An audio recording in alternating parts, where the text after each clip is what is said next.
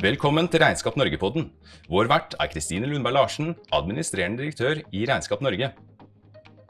Da er det en glede å ønske velkommen til Espen Vestli, direktør storkunde i Assets.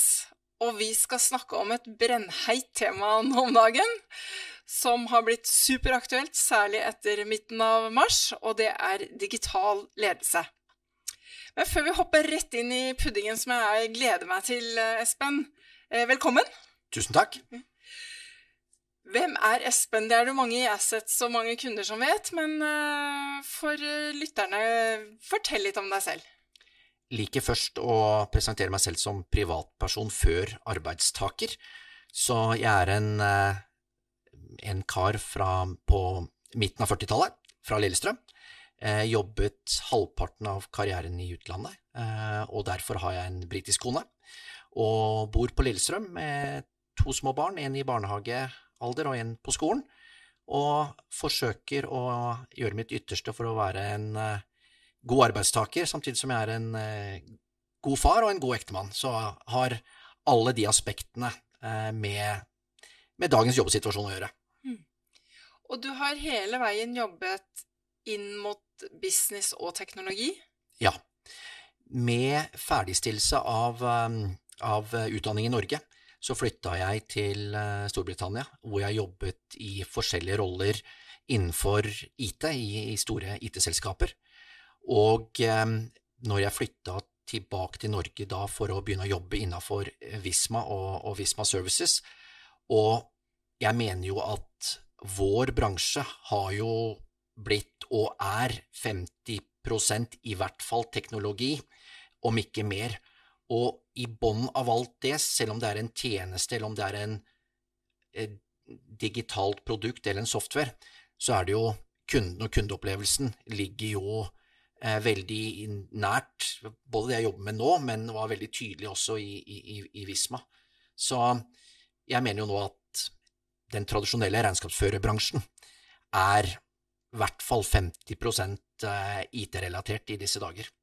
Ja, det jeg har ingen motargumenter mm. til det. Jeg er helt enig, og det er jo et uh, kjennetegn ved alle bransjer som går gjennom et sånt digitalt skifte som vi har gjort, er at uh, vi har gått fra at det, IT er noen som holder på med borti en avdeling, til at det nå påvirker alle prosesser, alle tjenester, hvilke tjenester vi leverer, hvordan vi leverer det. Altså det påvirker alle organis i organisasjonen, og alt vi gjør, og hvordan vi samhandler. Er helt enig med deg. Det er liksom vanskelig å sette kanskje et prosenttall på det, for at det er så innevevd i alt det vi driver med, og hvordan vi samhandler. Så, og så nevnte du et ord der som jeg er veldig opptatt av, og det er kundeorientering.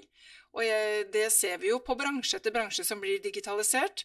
Vinnerne er de som klarer å holde fokuset på kunden sin og kundens behov og forventninger, og levere verdi til kundene sine.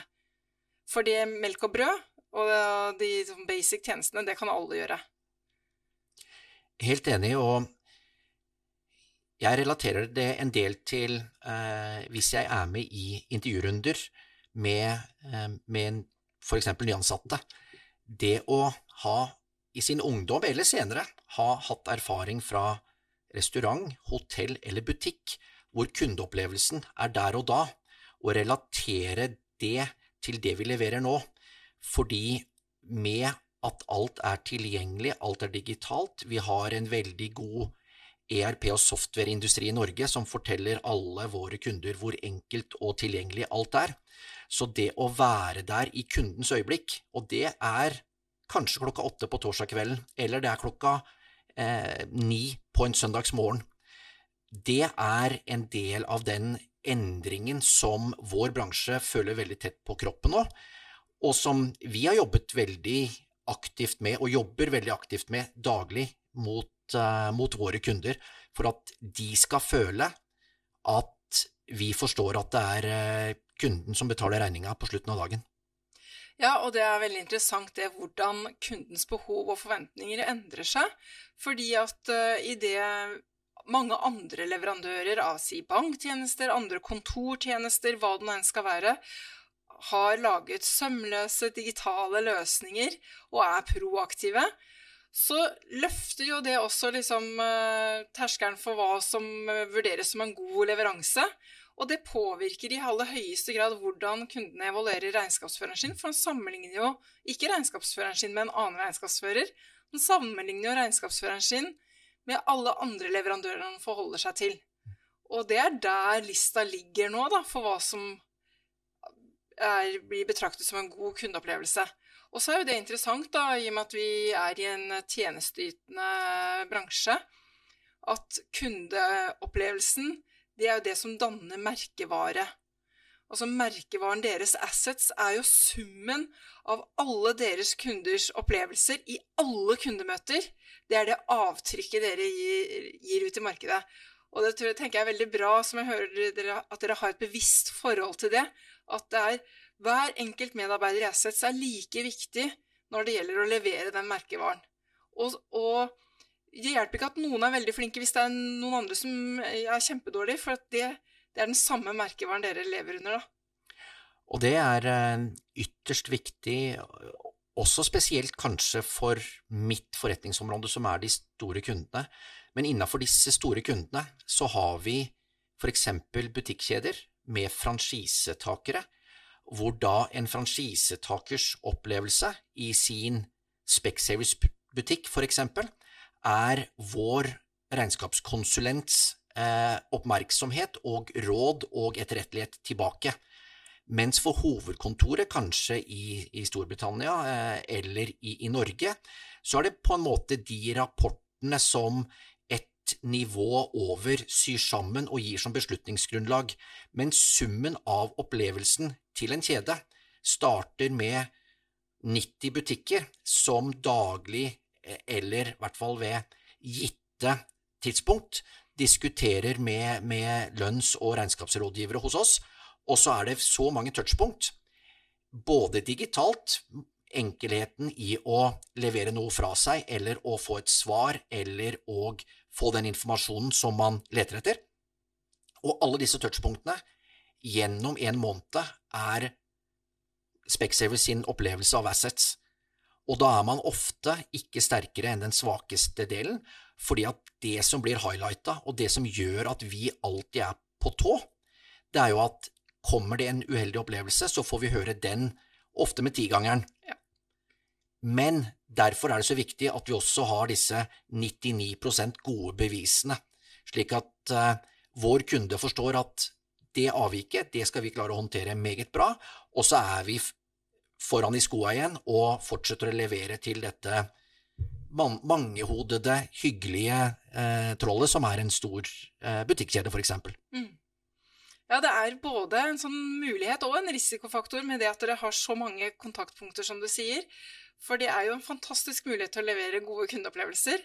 Og så er det en risiko hvis det, det Når det er så mange kontaktpunkter, så er det òg et større ja, sannsynlighet for at det kan gå gærent et eller annet sted. For innimellom så gjør det det med mennesker. Men det er jo også da hvordan man håndterer det når det, når det skjærer seg, da. Og det tror jeg er en Altså i forhold til ledelse Det å eh, A ha satt et system rundt hvordan man kan fange opp en uheldig opplevelse hos kunden, eh, også hos våre ansatte. Eh, men det basispunktet i faget ledelse er jo å skape resultater og relasjoner via andre. Og så enhver av våre rådgivere er jo Assets ansikt utad, og summen av det blir en kundeopplevelse for eh, for Post Norge eller, eller for Specsavers og, og, og, slike ting. Så det at man er bevisst på at uh, de som sitter og har uh, kontaktflater ut mot kunden, at de skal A være bevisst hvordan de opptrer, og, og B hva forventninga til kunde er i forhold til ja, vårt basisprodukt som bransje er utbetalt lønn og avstemt månedsrapport, det er basisproduktet men det er mer en hygienefaktor, og det er det at de får svar når de spør, de får forklaring på å benytte verktøyene hvis det er uklarheter i den digitale verden, etc., etc. Ja, og der har jo Akka, som er verdens største forening for revisorer og regnskapsførere, de har jo gjort en stor analyse av hvilke kompetanser som skal til for å lykkes i fremtiden. Og da er det jo nettopp det der å være Å skjønne kundens virksomhet i en kontekst. Det å kunne sette ting i sammenheng. Være kreativ i problemløsning. Emosjonell intelligens det å være god til å kommunisere. Altså det er helt, og Jeg er jo gammel revisor, det var jo ingenting av det her som sto på studieplanen, så vidt jeg husker. Kanskje var det noe av det, men, men jeg syns det er veldig spennende hvordan vår bransje, regnskap og revisjon, utvikler seg til at ja, mye av det der eh, rutinearbeidet og sånn er jo nå i ferd med å bli automatisert. Det gir jo en enorm mulighet til å vokse og utvikle seg i jobben sin til å bruke det som er unikt for oss mennesker, og til å skape de gode kundeopplevelsene. Det blir jo mye spennende. Det er kjempemorsomt, og i den endringa som bransje, du har sikkert eh, tall på hvor mange dette eh, omhandler, altså antall personer, men vi vil ha store suksesshistorier på noen som har vært med i bransjen vår lenge og har klart å omstille seg. Og så vil det være andre tilfeller, som det er i all omstilling, at eh, ikke alle klarer å tillegge seg de nye egenskapene som kundene og markedet forventer. Og jeg synes det er veldig eh, morsomt. Vi, vi, takket av en, eh, en veldig senior rådgiver i forrige uke. Da pensjonerte han seg. Men han har klart å være relevant for kundene sine i eh, 45 år. Og det er en kjerneegenskap som jeg tror blir bare viktigere og viktigere daglig, fordi vi ser daglige endringer i markedet vårt. Mm, jeg er helt enig, og jeg tenker at det finnes ikke noen sånn fasit på hva som er god ledelse. Men det er jo nettopp å ha en bevissthet og forstå hvilken situasjon man er i og opererer i. Altså hva er oppgaven som skal løses? Hvordan er de medarbeiderne jeg skal lede? Hva slags identitet og kultur er det som kjennetegner den gruppa? Og hvem er jeg som leder med mine sterke og svake sider? Og så er det jo i det bildet der man spiller ut lederskapet sitt. Og nå om dagen så snakker jo vi i regnskapsbransjen mye om at ja, oppgavene er jo i ferd med å endre seg fordi at uh, punching og avstemming og alt det der blir automatisert. Så oppgavene blir uh, mer analytiske og mer kundekommunikasjon så snakker vi ganske mye om da hvordan medarbeiderne må endre seg. De må jobbe på en annen måte, tilegne seg nye kompetanser. Vi snakker, og det får vi ta ansvar for som bransjeforeningen, enn så lenge litt lite, syns jeg, om hvordan lederne må endre seg. For det er klart at lederne kan ikke fortsette å lede på samme måte når både oppgavens karakter endrer seg, og medarbeiderne jobber på en annen måte, og vil også endre og utvikle seg i det. Så er det klart at ledelse hvordan man utøver lederskapet sitt, vil endre seg. Og det er jo litt sånn tema her for uh, vår podkast i dag, Espen, og det er jo det med digital ledelse. Og dere i Assets gjorde et valg i 2016. Nå er det jo, For den digitale transformasjonen har jo pågått noen år. Og uh, valgte å, ha, å, organisere dere mer med fokus på kundene. Kan ikke du fortelle litt om det? Vi så at um, som det største selskapet innafor det vi holder på med i, i, Norge og Norden, at vi hadde for lenge satt likhetstrekk mellom kunder og deres forskjellige behov. Så vi gjorde det på en måte litt enkelt til å begynne med, og sa at det er to måter hvordan vi skal eh, møte våre kunder, og da lagde vi det som heter et forretningsområde som heter storkunde, og litt mer den tradisjonelle eh, SME og den tilegninga. Men bak det så ligger det en del, eh, for det første, å forstå din kunde til minste detalj, som er et eh, krav i, i hele Assets, men veldig mye i, i det vi gjør i, i mitt forretningsområde storkunde. Samtidig så begynte måtte vi om i mye større grad benytte digitale hjelpemidler. For eksempel så hadde man jo alt av rapportering og tilgjengelighet hos kunde med for eksempel at regnskapsrapporten lå i en portal som man kunne få på telefon eller pad etc. Det gjør jo at kunden ikke har nødvendigvis så stort behov å møte deg ukentlig, eller fordi at det lå jo der når de trengte det. Men samtidig så De som da, fordi at det var mer tilgjengelig, hadde flere spørsmål fordi de satte seg mer inn i ting, de ville jo ha svar på spørsmål når de hadde spørsmålet. Så vi måtte endre en del strukturer i forhold til kundedialogen. Samtidig, vi er, vi er veldig tunge innafor kjedebiten, altså butikkdrivere, franchise og den biten. Der er det jo eiere av en, en butikk som ofte jobber mye selv i, i, i, butikken eller bensinstasjonen eller hva det er, og vi må være tilgjengelig når de har spørsmål.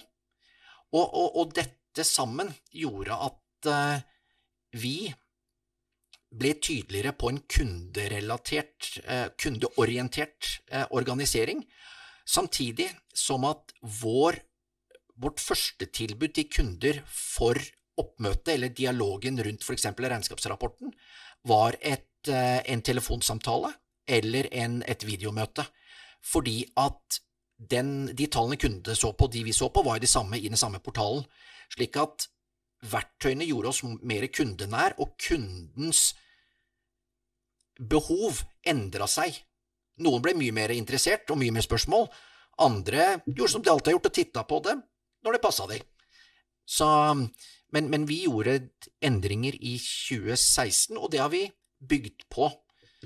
Ja, og, og det jeg hører du sier, da, at det gikk fra at man før var veldig opptatt av uh, sånn geografisk og, og, segmenterte mer ut fra hvor kundene var, mens dere nå ser hva er det som karakteriserer denne kunden, og hva, hvilke type behov hører til i det, og så, og så segmentere eller gruppere gruppen deres ut fra mer den det behovet de har som og storkunde har et behov som er egentlig uavhengig av uh, hvor de er geografisk uh, til stede. Korrekt. Samtidig som vi har klart å bygge uh, verktøy når vår bransje snakker om, om, systemer og teknologi, så er det jo ofte på input-output-siden og inn i et regnskapslønnsprogram. Mens det er jo mye teknologi Alle har jo vært på videomøter i det siste halvåret, garantert. Men den type teknologi for samhandling er jo òg eh, alt fra enkle hjemmesider med chat-funksjonalitet, slik at folk får svar når de har, spørsmålet, da. Mm. Og i det at dere omorganiserte til med utgangspunkt i kundens behov, da, og etablerte den storkundeavdelingen, så har dere da etter hvert nå blitt, sånn som jeg forstår da, den avdelingen 170 medarbeidere, syv lokasjoner. Du har 18 ledere. Og du sitter jo her i, her i byen. Sitter du i Oslo? Jeg sitter eh, normalt i, uh, i, Oslo. Ja. Og så leder du da mennesker eh, Disse 18 lederne sitter da spredt, da, antar jeg, da, på disse syv lokasjonene.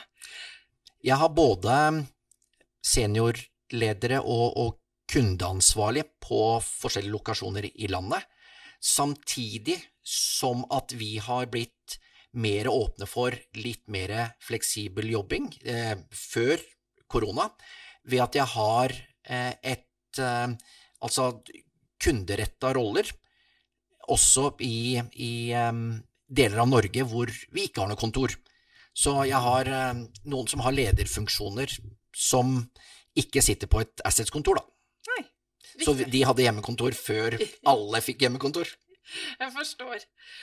Og det, eh, den måten å lede på som du har gjort nå de siste i hvert fall fire-fem eh, årene, eh, er jo blitt veldig aktualisert nå med selvfølgelig med korona, hvor mange har sittet på hjemmekontor. Og så er det jo flere og flere som tar til orde for at de Ja, når vi får vaksine og ting kommer tilbake til eh, ja, en eller annen type normalitet, da, så har vi allikevel lært og erfart og utviklet nå løsninger som gjør at vi kommer aldri tilbake til sånn som det var før korona. Det blir jo den nye normalen.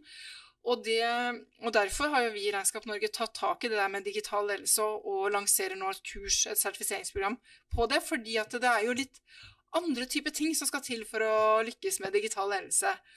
Og først da, Espen, hva tenker du eh, Hvis vi tar likhetene først, og så ulikhetene etterpå. Likhetene, Hva er de viktigste likhetene mellom fysisk ledelse og digital ledelse? Likheter er i hvert fall på et, et basisnivå hva ledelse er, det er jo å gi retninger og tydelighet overfor hvor man skal, fordi man gir noen et mandat for å skape resultater via andre.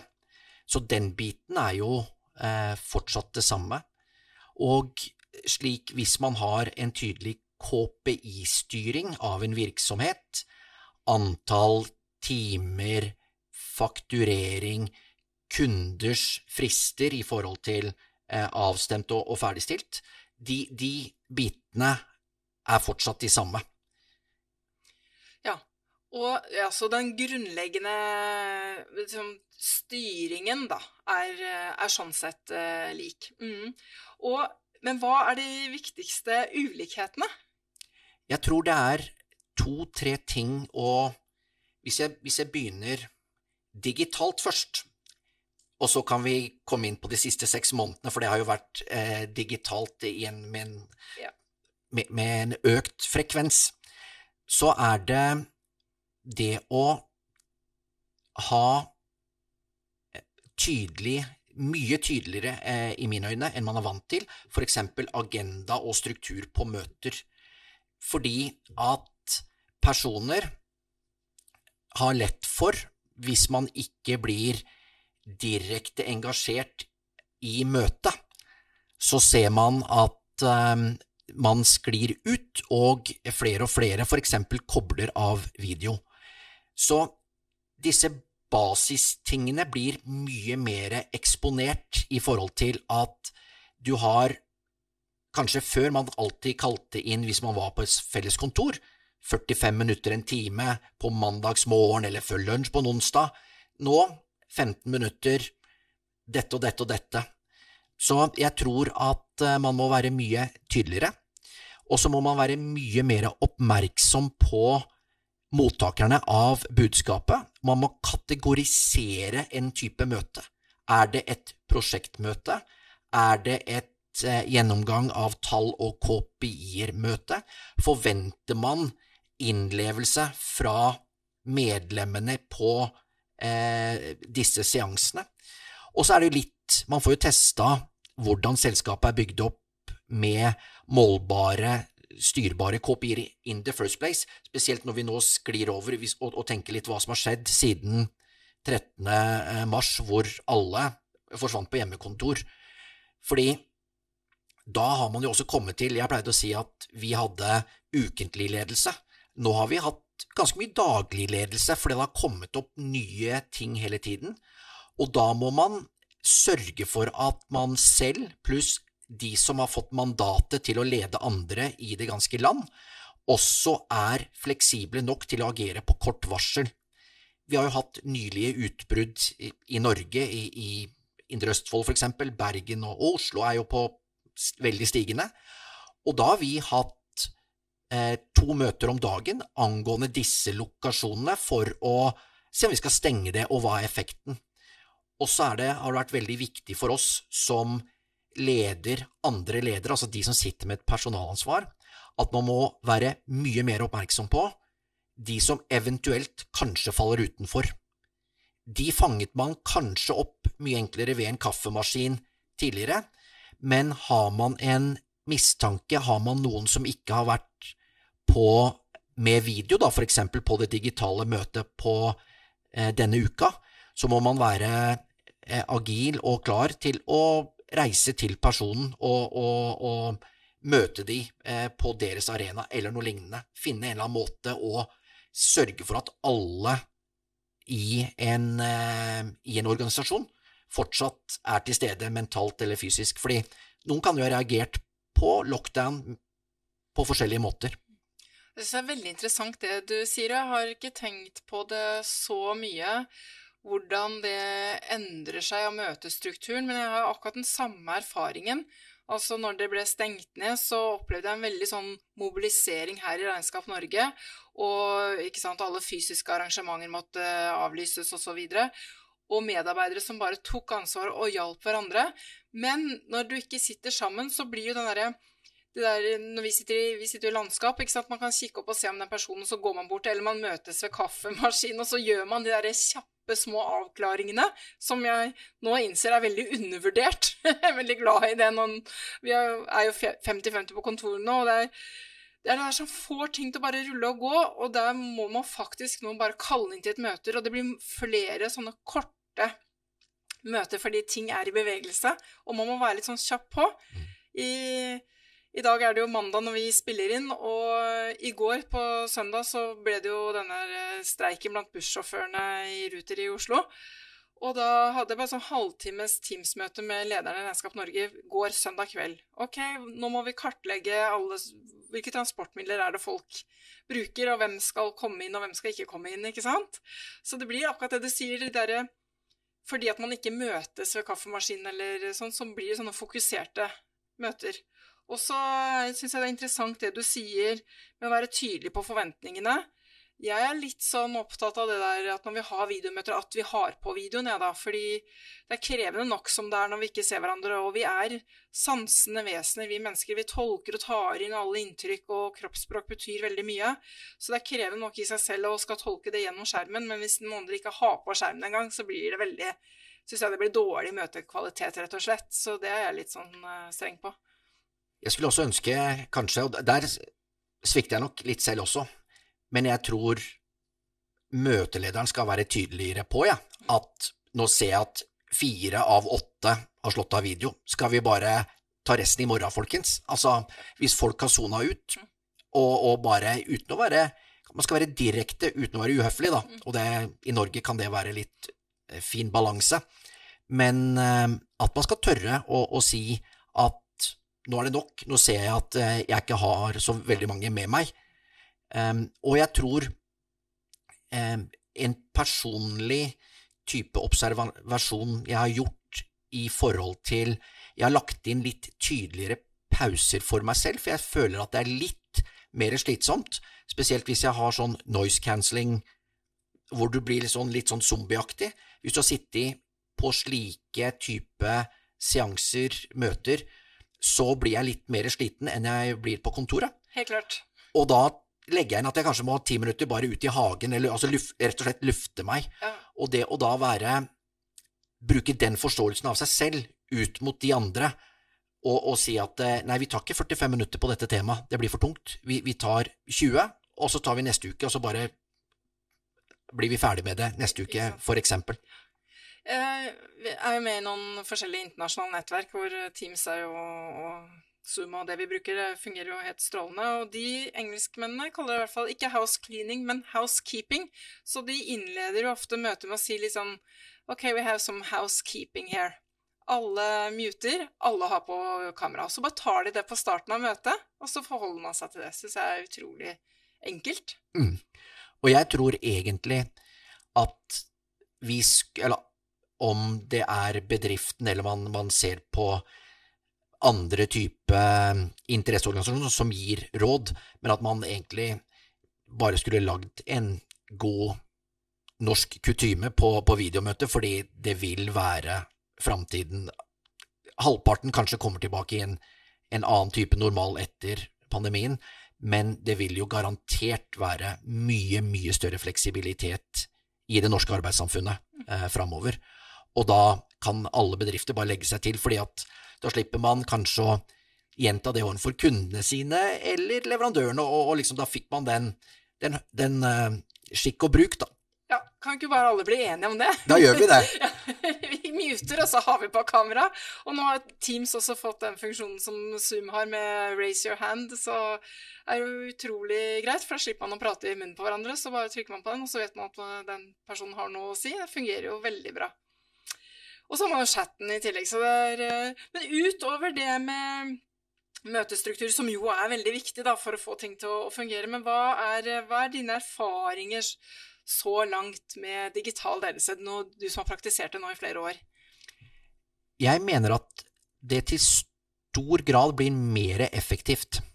Og da tenker jeg ikke på den enkle at reisetiden er borte, men jeg tenker på at møtene fordi at det blir litt mer intenst, gjerne blir mer effektive, kanskje produktive. Jeg føler også at man har blitt bedre forberedt, slik at man behøver ikke nødvendigvis å diskutere grunnlaget for tallet. Man kan diskutere resultatet av tallet, og, og hva om det medfører at man må gjøre en aksjon eller ikke. Sånn at effektiviteten har gått opp, i mine øyne.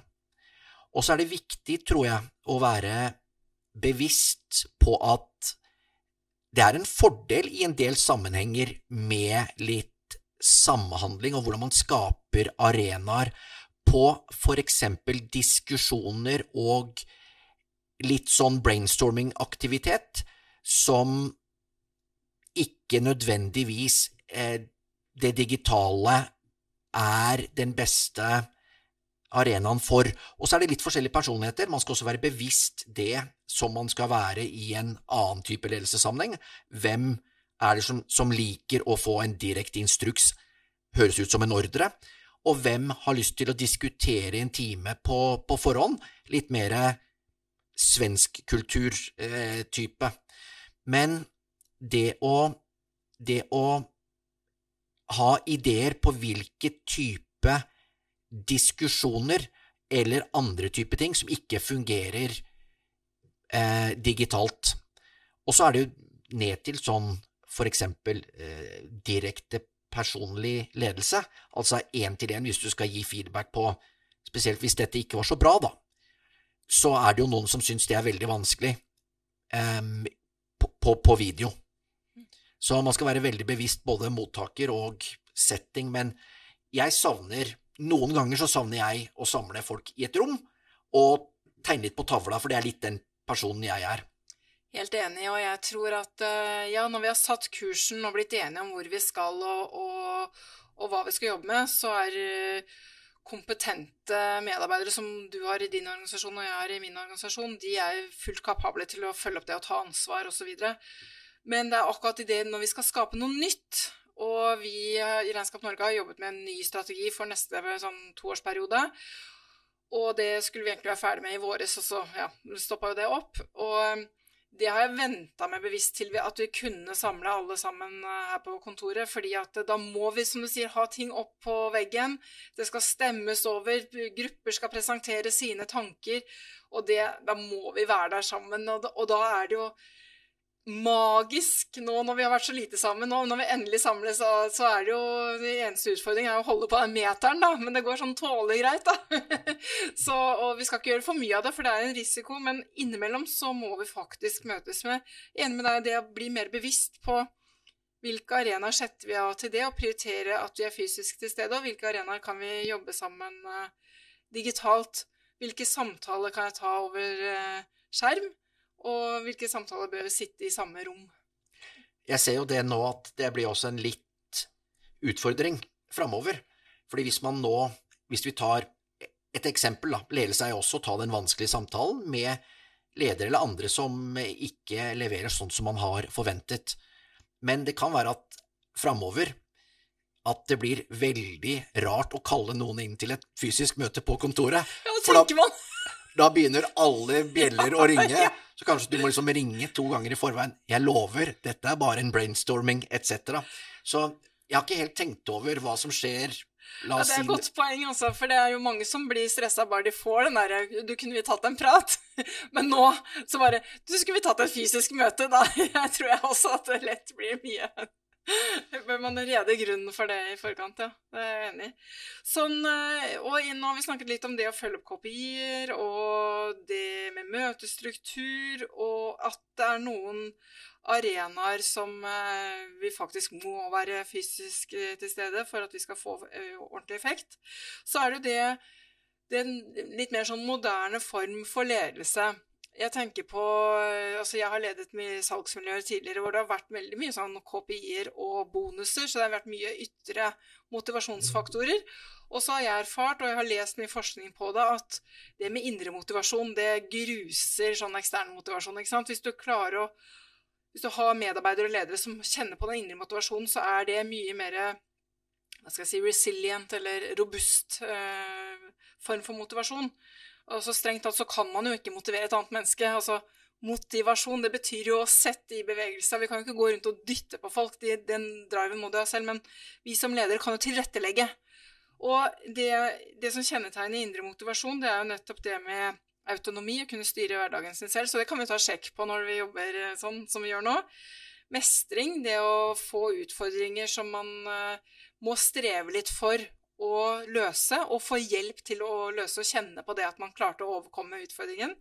Og så er det det å se seg selv i en større helhet. At man er, og det er kanskje litt vanskeligere igjen når man sitter på, i hvert fall på mange satellitter eller på hjemmekontor, å se seg selv i den større helheten.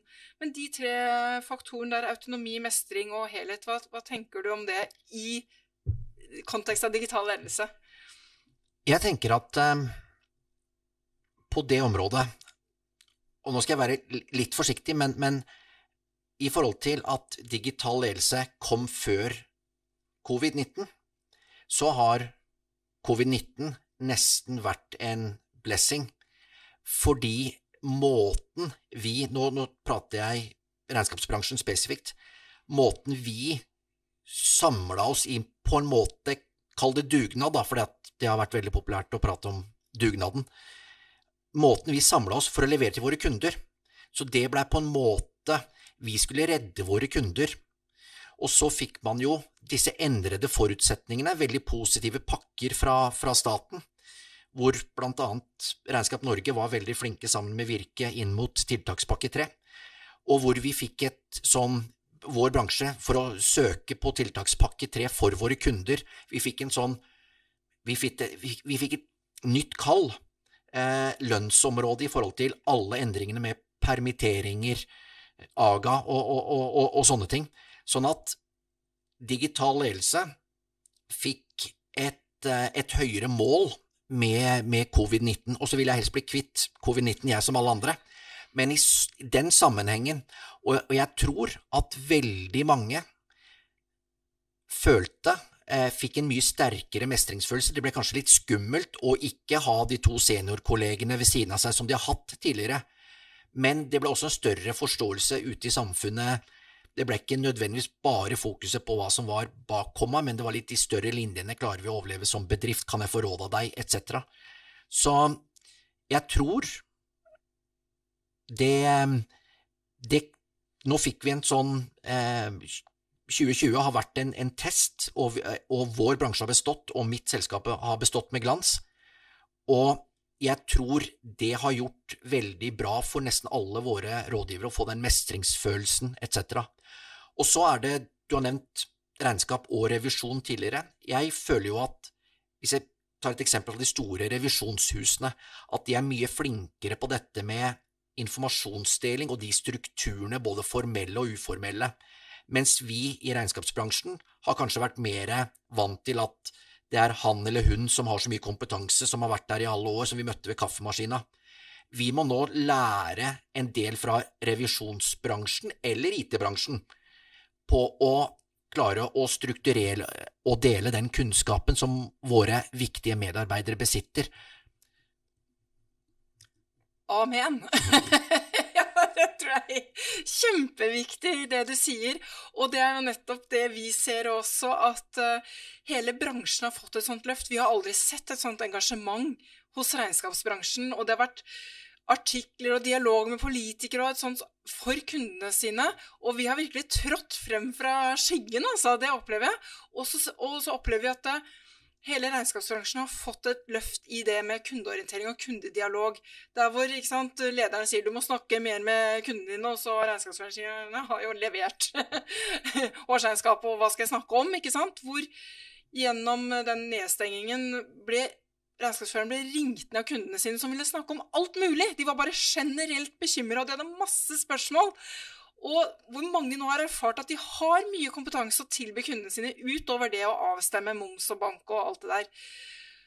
Hvordan, Espen, tar vi vare på den læringen nå? Hvordan tenker dere at vi tar vare på den læringen at det var ikke så skummelt å snakke med de kundene utover akkurat uh, regnskapsregler og, og det vi holder på med?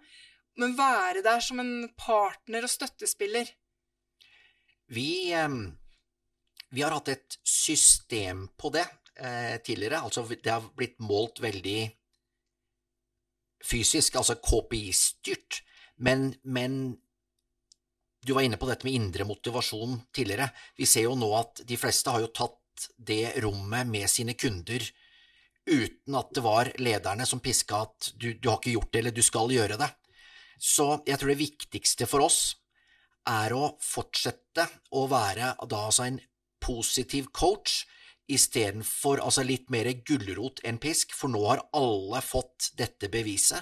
Altså, Jan Tore Sanner legger fram tiltakspakke tre på fredagskveld. Jeg følte at regnskapsføreren var mer pop enn gullrekka.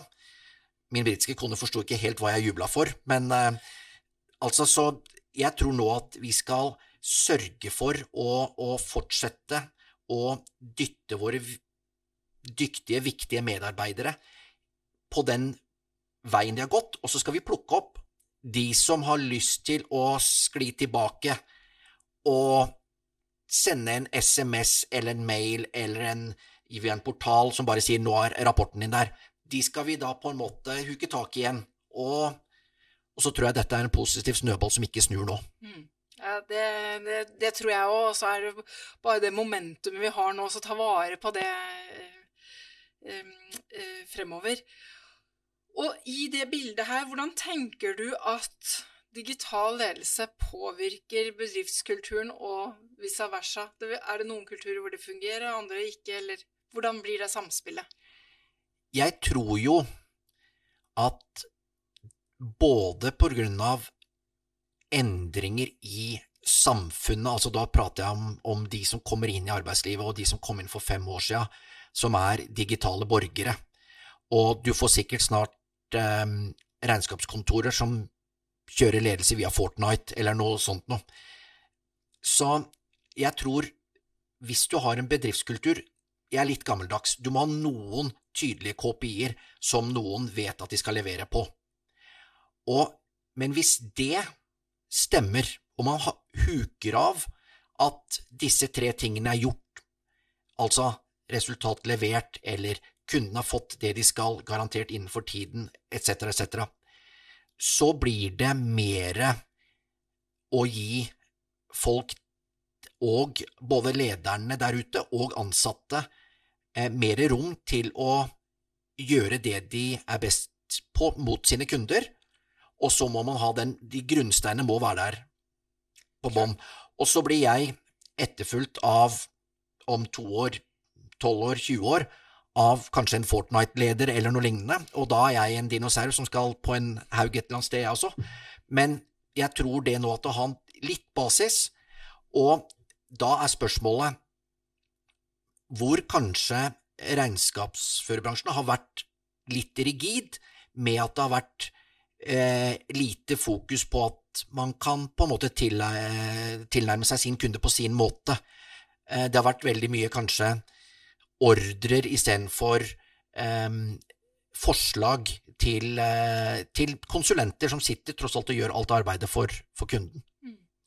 Så det, det, å ha noen sånne grunnsteiner, som du sier, og det tenker jeg også med at man har noe et eh, bevisst forhold til hva er virksomhetens visjon og formål og verdier, så vi vet liksom hvilken, innenfor hvilken ramme vi er. Jeg pleier å sammenligne det med en sånn motorvei. da. Det er liksom, Du kan kjøre forbi og, og, og sånn, men det er noen sånne de der gule kantlinjene, så helst ikke utafor der, da, men at man vet, og man vet hvor veien går hen.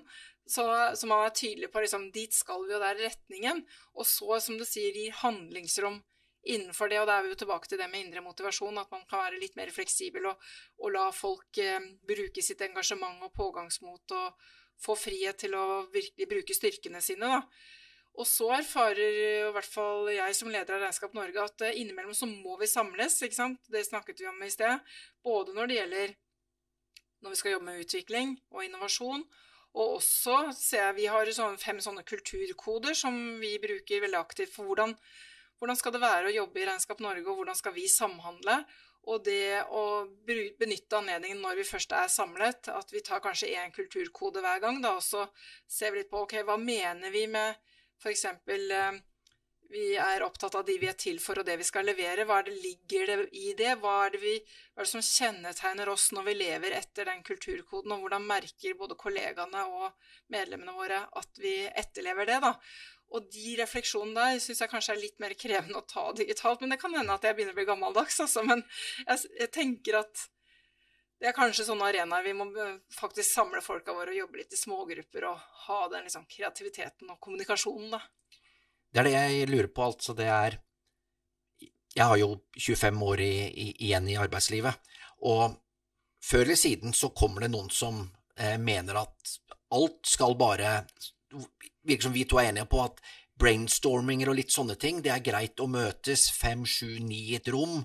Litt sånn eh, vi vet hvor vi skal, gjøre en oppgave, tenke høyt, tegne litt, sette det kanskje ned på papiret dagen etter.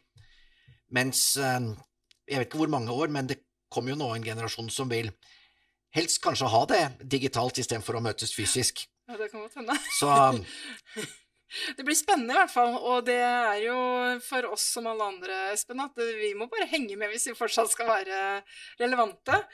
Og det, det har liksom tenker sånn oppsummering, da, hvis vi skal prøve å sånn trekke sammen det vi har snakket om nå, at det som kjennetegner og, og er viktig i digital ledelse, det er, er, at man er tydelig. Og at det er litt mer struktur, både på hva slags møte man har, er tydelig på det, flere kortere møtepunkter. Og um, være oppmerksom på de enkeltpersonene. Hva er det de trenger av oss som ledere, og, særlig hvis det er noen som faller litt utenfor, eller som faller tilbake. Nå når vi har lært å ha mye mer kundedialog, og så plutselig så er det noen som begynner å dra seg litt inn på kontoret igjen. Og eh, det å være godt forberedt, bevisst på hvilke arenaer vi bruker til hva, og så er det det med samhandling og, og feedback, da. Det er vel litt sånn Ja, ja jeg, jeg, tror det. Og så er det dette med Altså Digitalisering, det med Grunnprinsippet for en tjenestebedrift er å levere til våre kunder. Digitalisering bringer oss nærmere kunden. Så når jeg hører andre mener det motsatte, ja, men det blir så upersonlig. Nei, nå har vi fått en del verktøy, vi kan fortsatt gjøre på en annen måte. Hvis kunden veldig har lyst på et fysisk møte med papir, så er ikke det noe problem, men nå har vi fått et helt annet sett. Så jeg tror det å, å tenke på det digitale skiftet er å sikre at lederne kan lede sine medarbeidere ved noen tydelige KPI-er, men alt bidrar til å bli mye, mye mer kunderetta. Og så var vi så Så fikk vi pandemisituasjonen, og da ble jo dette skrudd opp, det tempoet, og det skal vi som tjenesteytende bransje være veldig, veldig glad for. Mm. Og, og, det er jeg helt enig i. Og så var det en veldig viktig ting du sa, som jeg nå glemte i den oppsummeringen. Strukturert kunnskapsdeling det å løfte seg på hvordan vi deler når vi ikke møtes ved kaffemaskinen, eller det er én som kan, men hvordan kan vi gjøre det at kjernekompetansen til de ulike blir tilgjengelig for eh, alle sammen når vi sitter på ulike lokasjoner. Det tror jeg er, eh, det er en nøkkel eh, fremover. Jeg tror de mest attraktive arbeidsgiverne, for det vil være stor kamp i vår bransje om de beste talentene. Det er det nå, det vil være i framtiden. Men jeg tror det vil være veldig viktig å ikke bare for å få tak i de beste talentene, men å videreforedle de, at vår bransje blir mye, mye bedre, og vi skal ikke gå lenger enn til revisoren eller softwarehusene, på kunnskapsdeling. Det tror jeg vil være en type Det driver eh, framtiden for eh, de type konsulenter og rådgiver vi kommer til å ha. Så den som er mest suksessrik i fremtiden, har knekt den nøtta. Helt enig, og eh, noe som kjennetegner den generasjonen som er på vei inn i arbeidslivet nå, det er jo det man kaller antiautoritære institusjonsbarn, som vokste opp i barnehage. De har vært vant til å forhandle og få være med å påvirke fra dag én. Ikke de derre formelle strukturene som vi har vært vant til. Så jeg tenker at Og det bærer jo mange av disse store revisjonshusene fortsatt preg av at de er ganske sånn formelle i strukturen sin. Så hvis vi kan gjøre det på en smartere måte Fordi at de unge som kommer inn, mange syns at ja, ja, de har hatt sånne curlingforeldre som har liksom sveipa foran så det ikke skal være noen hindringer. Men jeg opplever jo at de er veldig De har et veldig stort engasjement. De vil, de vil jobbe steder der de får lov til å være med og bidra. Og det å lage en struktur på kunnskapsdeling som ikke ikke knagle på hvor mange års erfaring du har, men la talentene få blomstre. Og ikke være opptatt av formelle titler, men la de få komme hvis de har temaer og, og eh, områder de brenner for. La de få slippe til å få system. Det er den nøtta der. Da tror jeg eh, regnskapsbransjen kan bli veldig attraktiv for de beste talentene. Helt enig. Så da tror jeg det skulle bare runde av der, egentlig. Takk for en veldig interessant samtale. I like måte. Tusen takk.